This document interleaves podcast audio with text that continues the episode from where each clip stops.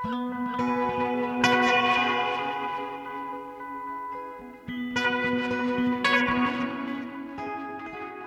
og sæl, kæri hlustendur. Við sjá komin í loftið við Guðinni Tómasson og Halla Harðardóttir helsum ykkur þriði daginn 3. janúar. Í þætti dagsins Fluxuskonan sem kom óvænt og skindilega inn í Íslandst myndlistalíf árið 1967, auglýsingarlíja og mátulegir. Aðtögilegir hlustendur hafa líklega tekið eftir því að fersinni síðustu daga að ekki er allt með feldu á auglýsingaskiltum borgarinnar. Frá því að nýja árið hófst hafa myndlistarverk Sigurðar Ámöndarssonar yfirtekið ljósaskildi við umferðagötur og í strætóskilum og munu halda áfram að yfirþaka borgarlandslægið þar til á miðnætti í nótt. Í stað auglýsinga sjáum við nú merkingarlaus vörumerki sem tólka ekkert og hafa ekki upp á neitt að bjóða nema sjálfsig Við ræðum við Sigurð Ámundarsson í þætti dagsins. Bandariska myndlistakonan Dorothy Ione tók á sínum tíma þátt í ræringum fluxus og höfmyndalistarinnar á síðari hluta 20. aldar. Það var síðan með síningu í New Museum í New York sem stjarnar hennar fór að rýsa á nýri öld og hafa litrík og oft sjálfsæfisöguleg verkanar farið víða á undanförnum árum. Dorothy Ione lest 89 ára gömul nú á jóladag, við rifjum upp æfi hennar og líka hvernig hún kom skindilega inn í íslenska myndlist einn vordag árið 1967 þegar hún hitti myndlistamannin Dieter Roth í fyrsta sinna á Hafnabakkanum í Reykjavík. En við byrjum í borgarleikursunu. Nína Hjálmarsdóttir tekur nú við.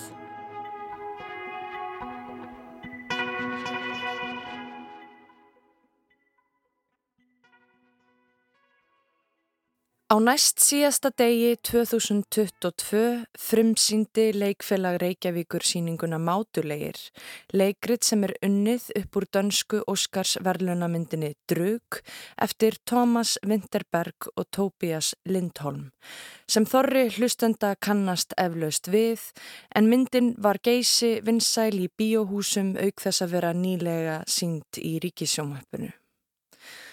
Leikgerðina sem leikfélag Reykjavíkur sviðsettur gerði Tómas Winterberg á samt Klaus Flíkari. Borgarleikustjórin sjálfur, Brynhildur Guðjónsdóttir, leikstýrir verkinu en fyrirtags íslensk þýðing er í höndum Þórdísar Gísladóttur. Búningar Filipíu Elísdóttur eru tímalauðsir og viðeandi og lýsing Þórðar Orra Péturssonar stendur fyrir sínu. Tónlist og hljóðmynd Ísidórs Jökuls Bjarnasonar læðist skemmtilega undir verkinu á samt hittara lögum úr kvikmyndinni. Spennan lág í loftinu á frumsýningunni þegar áhörundur spurðu hver annan fyrir sýninguna hvort þau hefði ekki örugla séð bíómyndina og mátti heyra á sömum að þau hefðu hort á hana oftar en einu sinni. Í þessari leikgerð er búið að klippa út aðrar personur en mentaskóla kennarana fjóra og einskorðast verkið því við þeirra samneiti og samtöl. Þeir Martin, Tommy, Peter og Nikolai ákveða að gera vafasama tilraun út frá kenningu norsk skeðleknis sem heldur því fram að manneskuna skorti hálft prómil af áfengi í blóðinu. Félagarnir ákveða að láta á þetta reyna og að vera alltaf pínu kendir af áfengi í vinnunni. Þetta gera þeir til að lífka upp á hverstægin og verða betri kennarar. Tilraunin skilar fyrst góðum niðurstöðum en fer á endunum úr böndunum með drastiskum afleiðingum.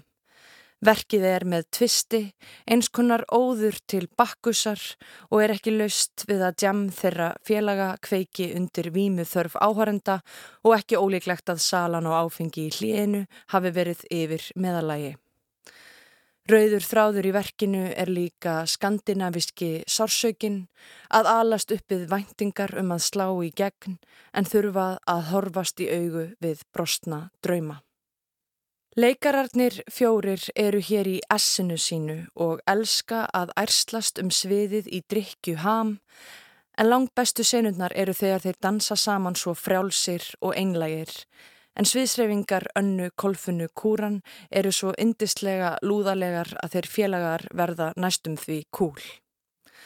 Þorsteit Backmann er eins og skapaður fyrir hlutverk hins snoppaða tónlista kennara Peters og ásumar fyndnustu setningar verksins en fær ekki úr nægu efni að móða því hann hefur ekki nemyndahópin sem stiður hlutverkið svo vel í kvikmyndinni.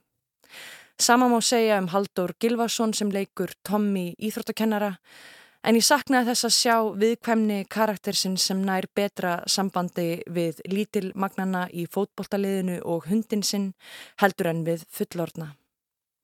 Með handriti sem skefur burt allt nema búblu aðal karakterina fjögura er undarlegt að þeir fái ekki að njóta sín betur en erfitt er að sjá hversu mikið af því er hægt að skrifa á handritið og hvað er hægt að reykja til ákvarðana leikstjóra. Sviðsmynd Heimis Sverrissonar er fallegur retro íþróttasalur sem vekur upp nostalgíu en sviðsmyndin er frekar þraung og nýja sviðið ekki nógu vel nýtt sem takmarkar leikarana þegar líður á verkið.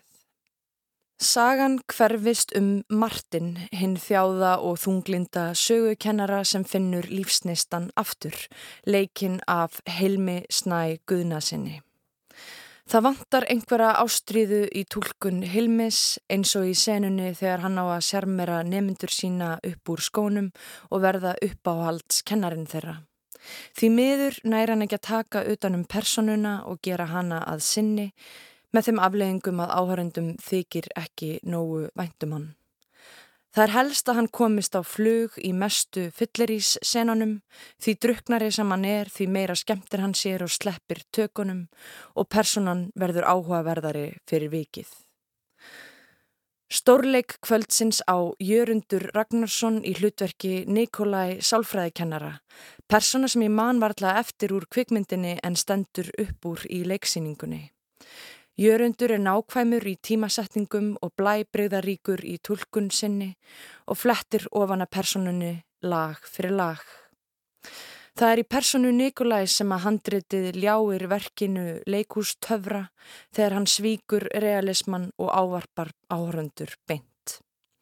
Personu sköpunin er skýr og jörundur heldur áhörundum fengnum. Hann er hjartað í síningunni og er dæmisagan hans úr dýragarðinum þar sem hann útskýrir heimsbyggi kirkegards óborganlega fyndin um leið og hún kjarnar boðskap verksins. Þar sem hann staðhæfir að maður sem þorir ekki að lifa glatar sjálfum sér og verður ekkert nema einn af fjöldanum, eitt stak í menginu. Meðan á síningunni stóð, óskaði ég þess nokkrum sinnum að ég hefði ekki séð kvikmyndina áður. Ómögulegt var að forðast samanburðin og fannst mér eins og kvikmyndin sveimaði yfir síningunni eins og pirrandi draugur sem heldur ekki kæfti. Ég sá fyrir mér allt það sem að vantaði og töfratnir ef þeir voru náðu ekki til okkar. Leikritið nær því ekki sömu dýft og kvikmyndin og býður ekki upp á neina úrvinnslu leikstjóra. Verkefnavalið vekur upp spurningar um hvers vegna er verið að gera beina endurgerð á nýlegri vinsætli kvikmynd þar sem leikusformið bætir litlu sem engu við. Verkið fellur í skuggan af frummyndinni og ofmarkar senur eru aðeins bergmál af mögnuðum senum kvikmyndarinnar. Druknum og frjálsum tekstleikurunum að brjóta af sér frummyndina, skemta sér og skemta okkur og það er ekki síst þá sem óborganlegir gullmólar falla af vörum þeirra. Í reynd snýst mátulegir um vinasamband miðaldra karlmanna þar sem þeir berjast við þá eitriðu karlmennsku sem hefur mótað þá. Í lífsnauðsynlegri leit að tengingu við aðra og tilgangi lífsins. Þetta er einstaklega falleg og grátt brosleg saga og hafi áhörundur þá ósk að láta skemta sér eina kvöldstund með sögu sem gefur hlít í hjartað með hópi af afar vinsælum leikurum þá er mátulegir príðis síning að sækja. Fyrir þau sem sækjast eftir annars konar upplifun er kannski vissara að leita annað.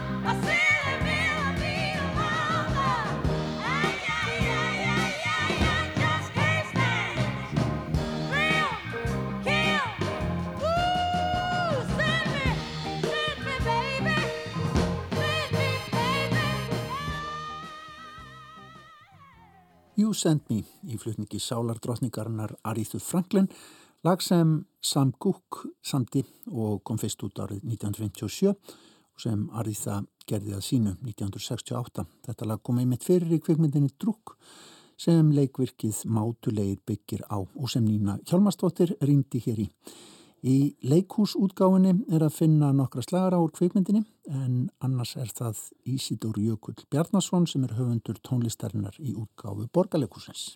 Já, en úr leikúsinu förum við yfir í myndlistina og hugum að bandarískri myndlistakonu. Myndlistarkonu sem kom óvænt inn í Íslenskt myndlistarlíf seint á sjönda áratögnum þegar hún kom hingað til Reykjavíkur í heimsókn við heyrum rödd. A Fluxus Essay Dorothy Yanone I am she who is not Fluxus. I am she who is cared for by many Fluxus men. I am she who cares for these same men. Við heyrum hér rödd listakonu, bandarísku myndlistakonunar Dorothy Ione.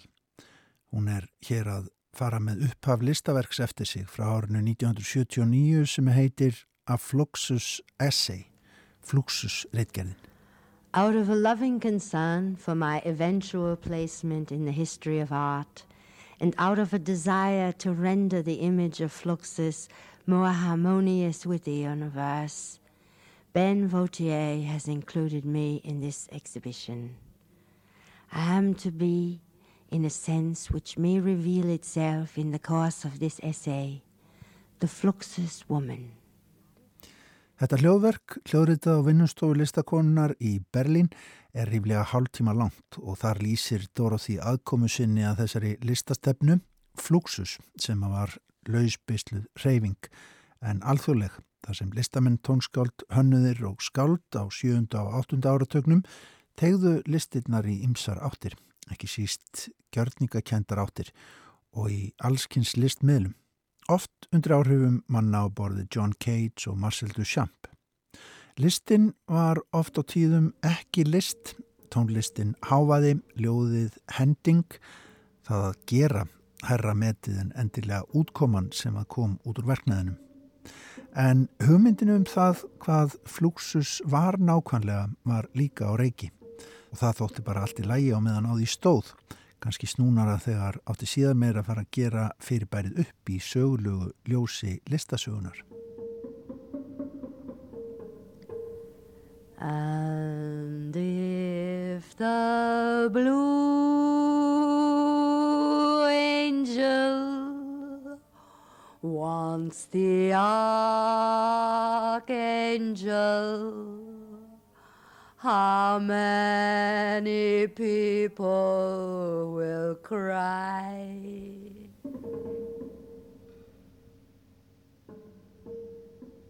En þessi kona, þessi fluxuskona Dorothy Ioni sem að kemur á óbeinan háttin í íslenska listasögum eins og við hugum að hér nánar á eftir lést núna á jóladag 89 ára gummul. Hún var fætt í Boston 1933 og útskrifaðist úr bókmentafræðinámi bæði við Háskóla borgarinnar og frá Brandeis háskólanum sem er ekki svo íkja langt undan Boston upp með tjálsáni inn í landi. Það var síðan árið 1958 að hún giftist listmálaranum James Upham, flutti með honum til New York og stopnaði með honum síningarsal þar í borginni, ferðaðist síðan til Evrópu og Asíu og eitt ferðalagið átti eftir að verða afdrífaríkt eins og við komum að hér á eftir.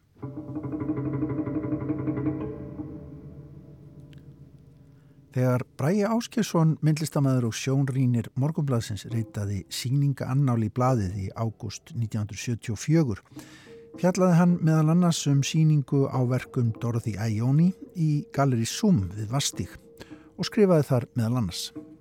Dorothy Ioni virðist vera vel náttúraður kvennmaður af myndum þeim að dæma er voru á sérstakri kynningu á verkumennar í Galleri Zoom. Myndteimur hennar byggist aðalega á nögtum pörum þar sem fjölþægt atriði eðlunar er síður en svo fjarlæg útopía. Þó er naumast hægt að halda því fram að kynferðislegir þangarennar séu klám, frekar förðuleg erotísk sjálfskrupning sem virkar einungis eggjandi á áhráendan við fyrstu kynni en sem hálgjart frumstætt óeðli í lengdina. Nöfn myndana eru aftur á mót notaleg og full fyrirheita, til dæmis næsta mikla andartakið, næsta stóra augnablikið í sögunni er okkar. Að þessu innihaldi sleftu voru ýmsar myndana vel útferðar og áhugaverðar frá fagurfræðilugu sjónarmiði og framtakið með því betra í þeirri viðleitni súm að kynna Íslandingum markverða hluti í erlendri myndlist og var notið í þessu tilviki styrks frá mentamálaráðanetinu. Já, svona líkur Bræi Áskesson umfjöllum sinni um þessa síningu. Heggur út með því að síningin, þetta óeðli kannski, sé styrt af æðstu menningamála yfirvöldum landsins. Og vist er að meiri hluti þess sem að listakonan Dorothy Ioni skildi eftir sig af myndefni í tekstum og myndrætni frásögn er uppfullt af erotískri ást og kynlífi. Kinnfæri, bæði karla og kvenna eru oftar en ekki í yfirstærðum í litríkum myndum hennar. Hjálpartækjum ástarleifsins er frjálslega beitt hæri vinstri og myndtemurinn er innblásin jamt af slíkri erotík úr japanskum tréristum, indveskum tantrahefðum, stittum Afríku eða evrósk erotískum hefðum barokk og rokokotímans sem yfirleitt voru jú ætlaðar skúfunni fyrst og fremst og engum dregnar fram til að hita upp síðkvöldin, ætlaðar fáum augum í einu og til að kýtla tögakerfið og blóðflæðið. You let me down, I never knew that I could come right up to you. You loved me and let me be free. I pleased you, now won't you please me? Oft var Dorothy Ioni sjálf í forgrunni slíkra mynda en eh, líka stundum þekktir einstaklingar úr samtíma hennar, til dæmis Charlie Chaplin sem þá var orðin aldraður maður eða forsetafrúin fyrirverandi Jacqueline Kennedy og vist nextluðu slíkir taktar góðborgarna á stundum. En Dorothy Ioni barðist gegn reytskoðun líka á verkum annara. Hún var til dæmis tekin í landhelgi af bandarískum tollæguvöldum árið 1961 þegar tollaratnir tóku af henni eintak af skáldsögunni The Tropic Cancer eftir Henry Miller sem að þótti blöydleg mjög og var bönnuð. Ioni fór í mál við tollæguvöld sem að sendt og um síður hjálpaði til við að banni á þessa skáldsögu frá 1934 var lift í bandaríkjanum. Verkum listakonnar var líka haldið niðri af ýmsum aðilum vegna þess að þau þóttu of grafísk í kynlífslýsingum. Fyrsta stóra engasýningin á verkumennar var ekki sett upp fyrir en árið 2009 í New Museum í New York og þá var yfirskrift síningarinnar Ljóninjan. Sú nafngift hefði ekki komið til nema vegna afdrifaríkrar siglingar yfir Allansafið rúmum 40 árum áður.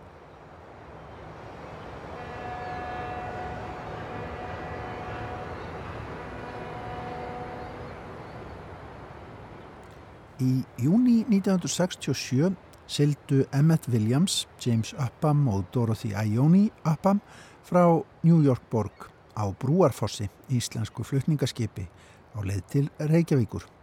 Dorothy, ákveðin í að lífka vel upp á hamingju stundina um borði skipinu, kefti það sem hér fylgir á eftir. Listi 1. Vörur fyrir 8 dagarsiklingu til Íslands. Smithfield skinka, prosciutto, brí, ólifur, ódýrt pate, döðlur, vínarpilsur, límónur, kassi af rauðvinni. Hér grípum við neður í upptalningu úr upphafi Íslands sögu Dorothy Ione, 48 mynda sögu hennar af ferðalagi til Reykjavíkur árið 1967 sem að dróð dilka á eftir sér. Og grípum aftur niður í textan. Emmett var á leið til Íslands til að rittstýra bók um hans góða vin Dieter Roth. Dag einn, kannski mánuði áður, hafði Emmett spurt vini sína, Dorothy og James, hvort þau vildi ekki bara koma með sér. Þó að hvort þeirra hefði nokkuð tíman hitt Dieter, þá var James áhuga saman um syklingu á flutningaskipi, en það hafði hann reynslu af slíku úr stríðinu og þau fjallust á ferðina. Og Dorothy lýsir því í Íslandsögu sinni hvernig þau þrjú voru einu farþegarnir um borð í Brúarfossi ef frá voru talin ungur íslenskur drengur sem að Dorothy kallar Sigga Baby og móður hans. Úti fyrir borstoknum blása kvalir og hamingjustundin í káöftunni gengur vel og í yfirgefnum messanum sitja Amerikanarnir þrýr og drekka vín og spila spil.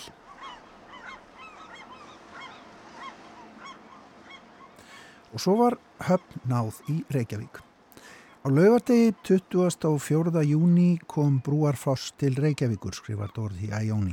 Og Dieter Roth, svo mikla, mikla fegurð, býður okkar á bryggjunni með ferskan fisk, vafininn í dagblað undir hendinni. Dieter svo feskur sjálfur, svo upptekinn af ábyrð, svo djúft sokkinn í mikilvægi listarsinnar. Dieter, unnandi allrar fegurðar, býður okkur þar og þegar ég sá Dieter þá vissi ég að ég myndi breyta lífi mínu.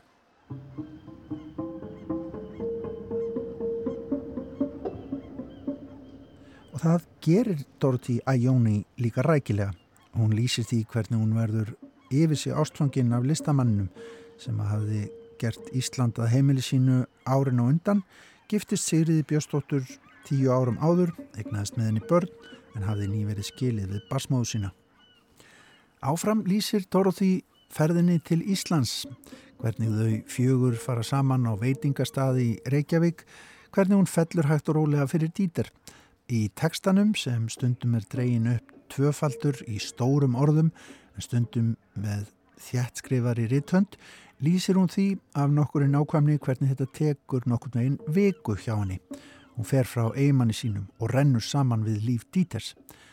Íslenskir myndlistamenn eins og Ragnar Kjartansson og Magnús Pálsson koma líka upp í frásögninni og dregnar eru upp myndir af samlífi nýja parsins og hvernig hjónabandinu líkur þó svo að Dorothy snúum stund aftur með flugi til bandaríkjana með eigimann sínum, þá er þetta búið. Hún snýri í framhaldinu aftur til Íslands og var næstu árin með dýter í Reykjavík, Dusseldorf, Basel og í London. Svona líkur Íslandsögunni sem Dorothy Ione vannað á árunum 1978 til 86. Og þá frjálskona lagðist Dorothy á rúmið með dýter, þeim frjálsa manni og þau hófu loksins með ánægu og með undrun þeirra sjö ára faðmlag og andlegu tengingum sem mun aldrei lefa sér að týnast. You led me to Emmet, and he to a ship, and we sailed northward to Reykjavik. Long ago, you know where you, in Iceland somewhere. I met you and loved you, and that changed my life. Dorothy og Dieter voru vinir allt fram að dauða hans árið 1998 þó að ástarsambandinu hafið lokið árið 1974. Dieter og samlíf þeirra leitaði margóft inn í verk Dorothy, ekki bara inn í Íslandsöguna, heldur líka inn í allskins litrík málverkanar, þar sem ástum þeirra er jafnveg líkt við ástir Antoníns og Kleopötru. Dorothy Ione lest sem fyrr segir á jóladag 89 ára að aldrei, verkenar eru í söpnum víða, stórsýning var á verkumennar til dæmis í Louisiana í Danmörku í sumar, sem að hlustundur ásar eitt heyrðu af, og vegur þessar mjög svo sjálfsæfisögulegu listakonu sem að leitaði svo frjálslega í eigin líf og reynslu í listsinni hefur vaksið á undanförnum árum. Erotíkin stuðarengan sérstaklega í dag. Emmett enchanted Dorothy and her husband so that in 1967 they agreed to make a sea voyage with him. He led them to Dieter Roth in Reykjavik, who received them with a very fresh fish under his arm. And there Dorothy separated her destiny from that of her husband's.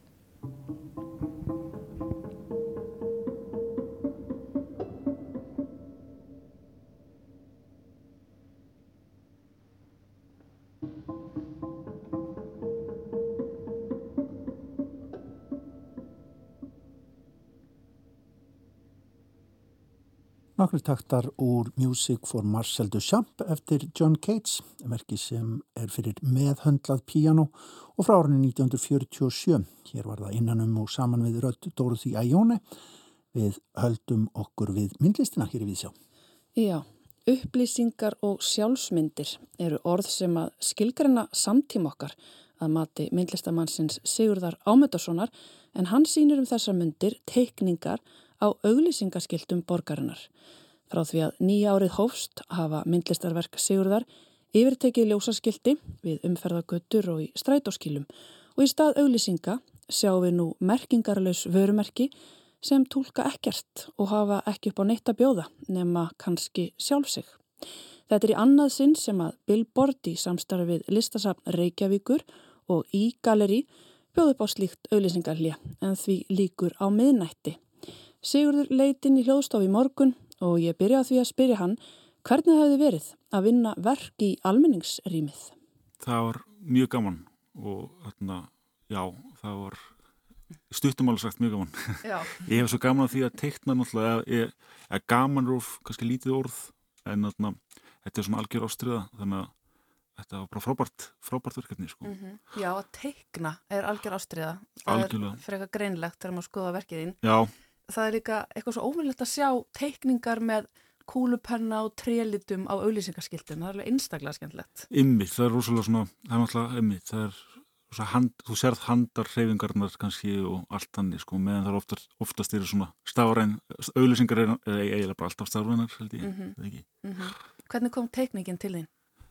ætla að hafa ekki ég hef alltaf að teikna náttúrulega eins og allir, all börn því að ég var krakki sko en síðan því ég varð úlingur þá, þá var ég nú bara mikið að teikna þá var svona aðdeglisbestin að kikka inn sko um hérna kynþröskala skeiðið og ég fór, var svolítið bara einhvern veginn að átti með að fylgjast með og var svolítið mikið að teikna og króta og, og uh, leika mér þannig sko tók það ekkert rosalega alvarlega fyrir en, fyrir en ég var hérna uh, alveg komin bara þriði ár í listafaskólanum þá einhvern veginn fattaði bara alveg bara senstu mánuðina að þetta var í raun og verið tólun mín að teikna að þetta mitt, mér mest þannig. Og uh, ég hætti að reyna, ég var eitthvað að reyna að má- mála og það gekk alveg vel en það var bara samt ekki alveg fyrir mig sko. Þannig að ég fó bara í teikninguna og uh, já, já. Einmitt. Segðu mér aðeins frá þessu hugmyndaferli vegna þess að nú sækja 40 listamenn um, þú ert þarna valinn, vissur strax að þetta væri eitthvað sem höfðaði vel til þín? Nei, sko, þarna vinn minn stakk bara upp á því og það var nú bara vika í þetta og ég var eitthvað svona, já, ég ætti eitthvað að segja mig eitthvað. Sem ég fattaði bara mjög flútlega hefði já, ég er náttúrulega að vinna að bara þessa myndir er ég að vinna að uh, logoum og, og að nýt, nota svona fagurfræði auglýsinga inn í teikninguna mínar eða svona þessar áherslur og upphafningu. Og uh, þá fatt ég bara, óhá, þetta smelt passar og ég hugsaði líka sko að hann, Radkell Sigursson, hann var með frábæra sýningu í fyrra og ég vissi að hún var allt öðru sem það sem ég var að spá þannig að ég vissi að það myndi örglega, örglega ekki, ekki etna, skemma fyrir mér að þú veist að hafa eitthvað algjörlega gjör ólíkt því sem var í fyrra það er svona ítti mér áfram Einmitt. Annar óvæntur faktor. um mitt En eins og segir þá hefur þú áður unni með logo. Já. Þetta er eitthvað sem að hillar þig greinilega. Hvað er það sem að hillar við þetta form eða við Sko, logoið? það er góð spurning þetta er ég, ég ólst upp við það pappi minn er sko grafskur hannur og hann var ofta skissa niður eitthvað svona logo og okkur form og okkur dæmi og ég, ég bara aldrei spáði eftir mikið í því sko. það hefur greinilega sest eitthvað þar í, í hérna, undirmiðunir mína og síðan sko fyrir nokkur árum þá fyrir ég að skoða rosa mikið uh, uh, kvikmyndaplaggut sérstaklega frá öðrum löndum sko eins og í Austur-Evrópu þá gera þau sínar eigin útgáfur af kvikmyndaplaggutum sko. og þá hérna, eins og kemur ykkur stór kvikmynd, Titanic eða eitthvað þá gera þær uh, rosalega flottar teikningar eða, eða, eða eitthvað svona þrykk af, af skipin að sökka eða hvað það er og, og kýrifa skipsins eða henni áherslur og, og sem kemur Titanic á pólsku eða hvað tungumál það er og það er alltaf allt öðru að kýrilist stafróf og þá skil ég náttúrulega ekkert í því að það er þrýr K, ZX, eitthvað svona og ég skil ekkert hvað er í gangi náttúrulega. En ég fór ákvað bara, ég, mér langar að nota letur en það er ekkert sem ég langar alltaf að segja áhrandurum því að listin á bara að tala fyrir sjálfa sig, þú veist, ef ég er með einhver skilabóð þá get ég gert, látið titilin heita þú veist, uh, uh, von eða hvað það væri, sko. Og látið textan segja bara hvað sem ég vildi, bara raðið upp í þeirri röð sem ég veist þeirra áhugaverð. Og ég ákvaði náttúrulega ég er náttúrulega á, við erum á Íslandi og, uh, og þá bara nota íslensku stafina eð og þotn og á og æ og allt það sem gerir okkar stafróf óvinnilegt öðrum og nýti mér það að sérkynna einhvern veginn sko og tala það tungumál. Þannig að ég, já, þannig að raun og veru sko upps, uppsetning stafana er, er uh, alveg að mikil svona, hvað maður að segja expressionísk eða abstrakt tjáning og sjálf myndefnið, Þú veist, það er bara flæði í því sem er sitt eigin heimur sko. Einmitt, áhugavert að heyra þess að tengingu við þessi austur-európsku plaggut vegna þess að það er verið að segja eitthvað óbáslega mikið. ymmit, Það er eitthvað mikið í gangi, það er verið að miðla ákvörð en það er samt, maður skilur ekki neitt. ymmit, þeir, já, nákvæmlega, algjörlega sko, og þeir líka veginn, sko, mér finnst þau, þau eru svo flott, sko, þau eru svo, þau eru svo rá oft, sko, og svona, ég veist maður aðeins fá að sletta þá, industrial, þau eru svona gritti, sko, þannig, og það er eitthvað sem heitla mig einstaklega mikið, sko, Reykjavík er svolítið þannig, finnst mér, hún er svolítið svona rá og, og, og flott, sko, eða hún er, já, misflott, en, Já, það er ekki svona heildarbrægur á henni. nei, með þess að ljótupartinir eru flottir en maður horfir nógu vel á það, sko, Einmitt, einmitt. svona, já, En áhugavert að þú notar, já, einmitt, þetta orð expressionist vegna þess að verkiðin eru það, Já. sannarlega. Og þannig er þetta að blanda saman logoum og stöfum við fígurur, einhvers konar fígurur sem eru svona, já, daldið svakalegar. Segðu mig frá því hvernig þú blandar aðeins saman. ymmit, sko, það er bara sko letrin hægt rúlega fór yfir að þróast yfir þessi logo og sem fór logoin eða bara taka yfir eitthvað nefn sko, en, atna, en fígurnar blandast logounum. Sko máli er ég líka, ég held að sé að hluti til því að uh, ef ég þyrfti að taka einhvers konar próf, teiknipróf að reyna að teikna eitthvað alveg nákvæmlega þá myndi ég klúðra því sko. Ég er, ég er svona anatomist ekkit rosalega fær.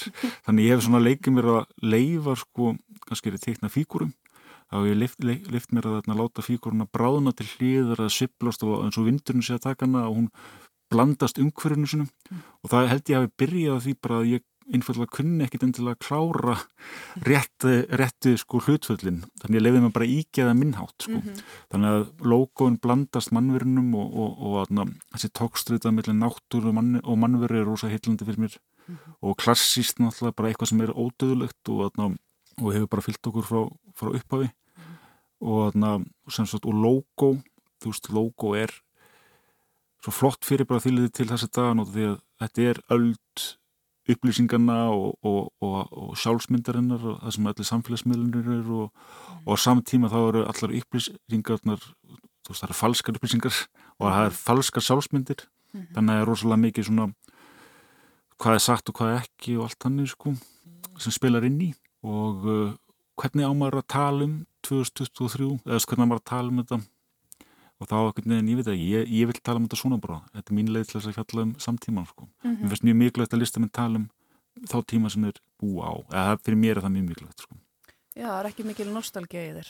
Nei, það er kannski þetta að fi- finna það hér og þar sko, eða svona ég, ég var alast upp og hafði áhuga á þessari kvikmynd eða tölvuleik, það kemur svona stundum inn í sko, en ég reyna alltaf að twista það upp í samtíman sko, ég reyna að forðast nostalgíuna, ég held að hún sé svolítið hættuleg sko, það er svolítið mikið af sjónvarsefni finnst mér sem gerist í fortíðinni. Og mér finnst það svolítið kjánulegt þetta er 20-30 ár, það er enginn að fara það vill enginn sjá okkar blæti fyrir nýjönda áratunum þau kikið bara á kvikmyndir frá nýjönda áratunum held ég. Kannski betra fólk á eftir að fá blæti fyrir þessum tíma sko, eða fá eftir að fá nostalgíu fyrir 2023 akkur ekki bara þannig að tólka samtíman og lifa þú veist, já, því að vera Einmitt. þannig sko. Emmitt. Þú talar um hérna upplýsingar og sjálfsmyndir. Já. Emmitt, að þetta séu tíman að tákn, en á sama tíma finnst mann að þetta kannski vera, eins og þú talar um samfélagsmiðlana, að þetta sé kannski tákn sem að vanti ofta tíðum innistæðu, að það séu svona, þetta séu háflægar umræður án innistæðu, Ymmit, þannig að sko, sem að kannski, og logo geta líka verið, já, akkurat. Þau eru svona að miðla ykkur svakalegu en sérstaklega við setjum þetta í samengi við náttúrulega auglýsingaskiltin það bætist sannarlega eitthvað annað lag já, ofan á þessu verk í þessu auglýsingasamengi algjörlega, algjörlega. Þá, já, þessi upphafning þannig, og þú veist ymmit, uh, auðlýsingar þeir náttúrulega uh, hafa beinan þú veist að bóðskap er svo fallegt orð en það hafa, ákveðin, ákveðin merkingu sem er reyna miðla til fólks og þannig og þarna uh, merkingin bak við þessi verk mín er náttúrulega algjörlega abstrakt eða sagt, er, eru þarna er ekki bundin við neitt svona sannleika beint, heldur bara því þína túlkun er raun og verið sko. og þarna, mér finnst það svo mér finnst það svo flott sko þarna, eh, all, allas, allas umræður um sannleikan og, og, og það mér finnst einhvern veginn eins eins og það er bara einhvern veginn svo ómjúlegt að fanga sannleikan og þarna og mér finnst einhvern veginn bara svo mikilvægt að, þarna, fanga eða fagna efanum sko. Sætta sig við það að við vitum ekki neitt hvað er sér stað, við erum alltaf að koma við upplýsingar sem fara á skjön við það sem við áður vissum og henni og, og það er bara frábært sko, mér finnst svolítið svona perrandi að fólk veit hvað er í gangi að þykist vita það sko, mér finnst alltaf svolítið svona að stuða með eitthvað smá sko það er svo, það er svo ekki bilun eða svo óhugsandi eitthvað neðin sko. En þarna, já, ég held að, ég held að efinn sé alveg svona eitt af aðeistu dygðum held ég sko. Maður fer allavega aðeins að efast hérna frammi fyrir þessum verkum vegna þess að sko logo það er oft svo mikil eitthvað svona sannleiks ára yfir logoum ef við sjáum bara fyrir okkur þessi frægu íþróttamerki eða allt þetta sem við sjáum vanalega auðlýsingarskiltunum Akkurat, þeir miðla ykkur svo miklu um sannleika en á sama tíma er eitthvað voðaleg merkingarleysa þarna líka. Nákvæmlega alltaf styrkur og áhersla og, og grunnur og eitthvað neginn svona og síðan er þetta bara e, bara eitthvað mannfólk sem er bak við það. Og það er allt í góð með það skil, ég veit ekki en þetta er bara eitthvað fólk að gera eitthvað dót skil og ekkert verða en eitthvað annað kannski. Neða ekkert verið en eitthvað annað en þetta er ekki, þetta er ekki svona óhaganlegt fyrirbæri sko, Nei. það er það raun og verið ekkert. En þetta neyslulag í verkunum, hvernig, hvernig samband átt þú sjálfur við bara neyslusafélagið? Já, ég, ég hef einhvern veginn, uh, það er góð spurning, hún, hún, hún, hún, hún, á ekki minn allan hug, sko, uh, pælingur nýrslu samfélag, það gerða áður fyrr kannski og það er svo mikið skellulegt í kringum það, sko, það er þetta endalust full yfir því kannski. Uh, og það er mjög flott þegar fólk, eða listamenn tala um það fyrst mér og mikilvægt. En þarna, fyrir mér þá finnst mér bara svolítið augljóst að, að nýstu samfélag er eitthvað sem að er skadalegt og hættulegt eða sem sagt að þetta sé eitthvað skonar ójættvæði sem á sér stað og uh, mér finnst eins og mér persónulega reynir sko ekkert endilega bara að tala um það, eða, jú, ég, ég tala um það með verk, þessum verkum en þetta fyrir mér er það ekki aðalatriði því að þú, þú, þú þarft að vera svolítið kannski svolítið með lókuð augunum og heldur að það sé bara allt í lægi þannig að, þannig að það er eiginlega fyrir mér er þetta kannski bara svona uh, Augljóst. augljóst, já, eða þú ef þið finnst það ekki vera vandamál þá, þá þú veist, ég, ég veit ekki alveg hvað ég á að segja sko. Einmitt.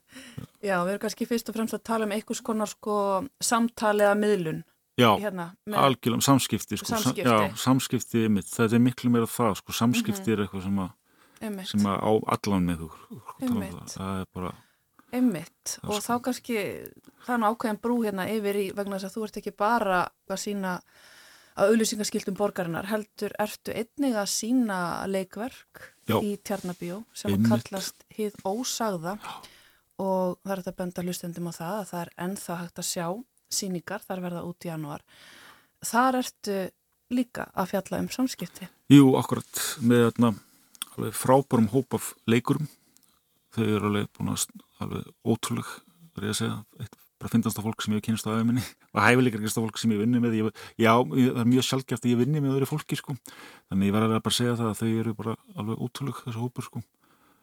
Le leikriti fjallar einmitt um samskipti mjög beint og skýrt meira þess að það bara allur, allur, allur díalóg og all samtalin eru tekin upp fyrirfram í svona hljóðveri og ég klipp, klippi það saman og, og þau svona leiði þeim að spinna aðeins upp svona hvernig þau orða hlutina og allt þannig sko og, og klippi þetta saman í það samengi sem ég vil hafa og síðan eru þau bara upp á sviði að, að mæma eftir hljóðinu, þannig að þetta er allt svona ó, ósagt sko, þetta er, heitir hefur ósagða, en þetta er ekki sagt fyrir fram áhörnundur, þetta er bara eftir þeim.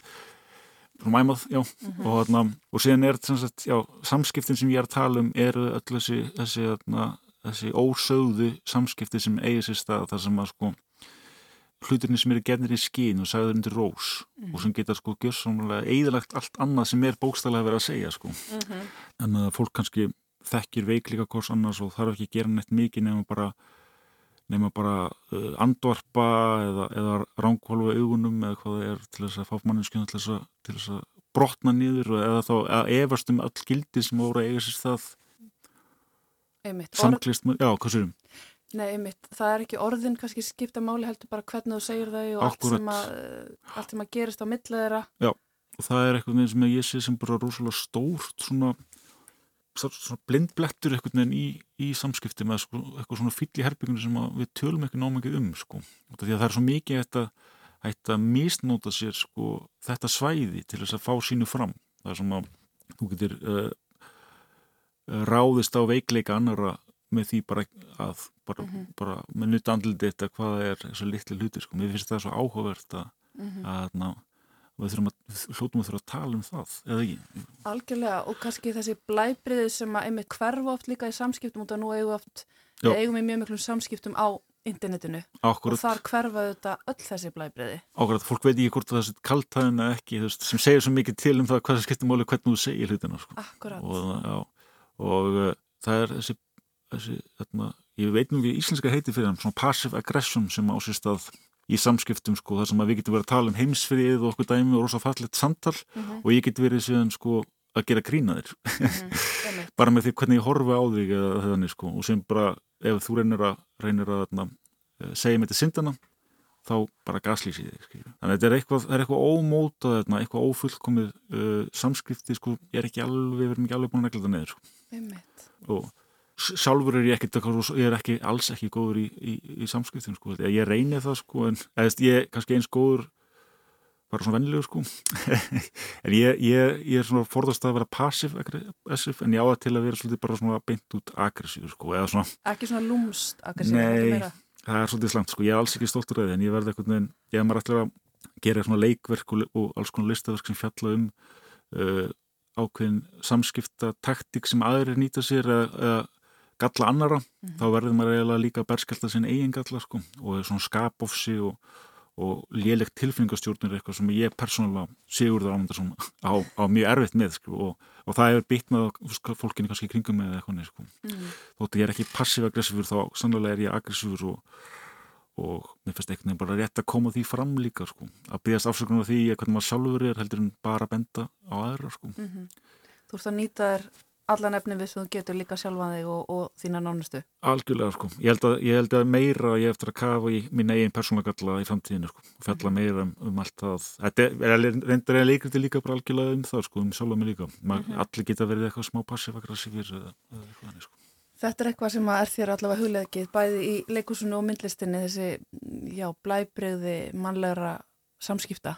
Algjörlega, og ég held, já, ef að ég var að reyna að klif, ef eitthvað manneski er að reyna að klifra upp eitthvað stiga í pólitísku umhverfi, þá er mjög, er ekki ólíklegt að svo manneski notar þessa makki, makki valjan sko, e, taktík, þessi, þessi samskipta galla sem eru til þess að klífa upp toppin sko. það sem að þau lítilegka þennan fyrir framann þennan sem þau reyna að hylla og klifra einhvern veginn upp með að stinga fólki baki bara með svona ekki endilega með vopnum eða handablinni þannig sko, bara með, bara með tóninum og röttinni og, og hvernig þeir hvernig þeir, hvernig þeir ránkólu augunum með hvað það er sko. Akkurat Sigurður Ámundarsson, takk fyrir að komi við sjá og segja okkur frá hugmyndunum á bakveg þessi verk. Við hefum vona á síningu. bráðum. Já, það er rétt. Ég og gammal vinnu minn Gunnar Jónsson erum að fara að sína í ásmundarsal núna bara 14. janúar. Það verður helviti flott síning. Verður, hann er að gera sitt út og ég er að gera mitt og svona veginn hittir sér miðurleið. Mhm. Þannig að, já, maður er bara fullum höndum í því og já, endilega ég mæli með að allir kíkja, kíkja á það. Takk fyrir komuna og gangið vel. Takk hérlega fyrir mig. Já, takk aftur fyrir það, Sigurður Ámundarsson. Við bendum hlustundum á, sem enn hafa ekki séð verkans á auglýsingarskiltum borgarinnar, að fara í göngutúr eða bíltúr, því auglýsingarlíðinu líkur á miðnætti. Og svo eru enn eftir nokkra síningar í Tjarnarbíói á leikverkinu Hið Ósáða sem við rættum hér í samingi við myndlistina. Og þá erum við næstum komin að lokum hér í Vísjá dagsins, en ekki alveg, því við ætlum að enda þáttin í dag á því að setja lag á fónin. Já, um áramót þá er viðinandi að draga fram spari upptökurnar þó að sumar séu þær gamlar. Hér undir er byrjað að hljóma forspil að einni af dýrmætustu arium tónbókmyndana, lefi ég mér að segja. Það er Agnusti í Guðslamp úr Hámól messu Jóhann Sebastians Bach. Og hér er það söngunan Kathleen Ferrier sem að syngur með Fílharmoníu Sveit Lunduna, Sir Adrian Bolt stjórnar. Við ljúkum þættunum með þessum fögru tónum. Takk fyrir samfélgina og verið sæl.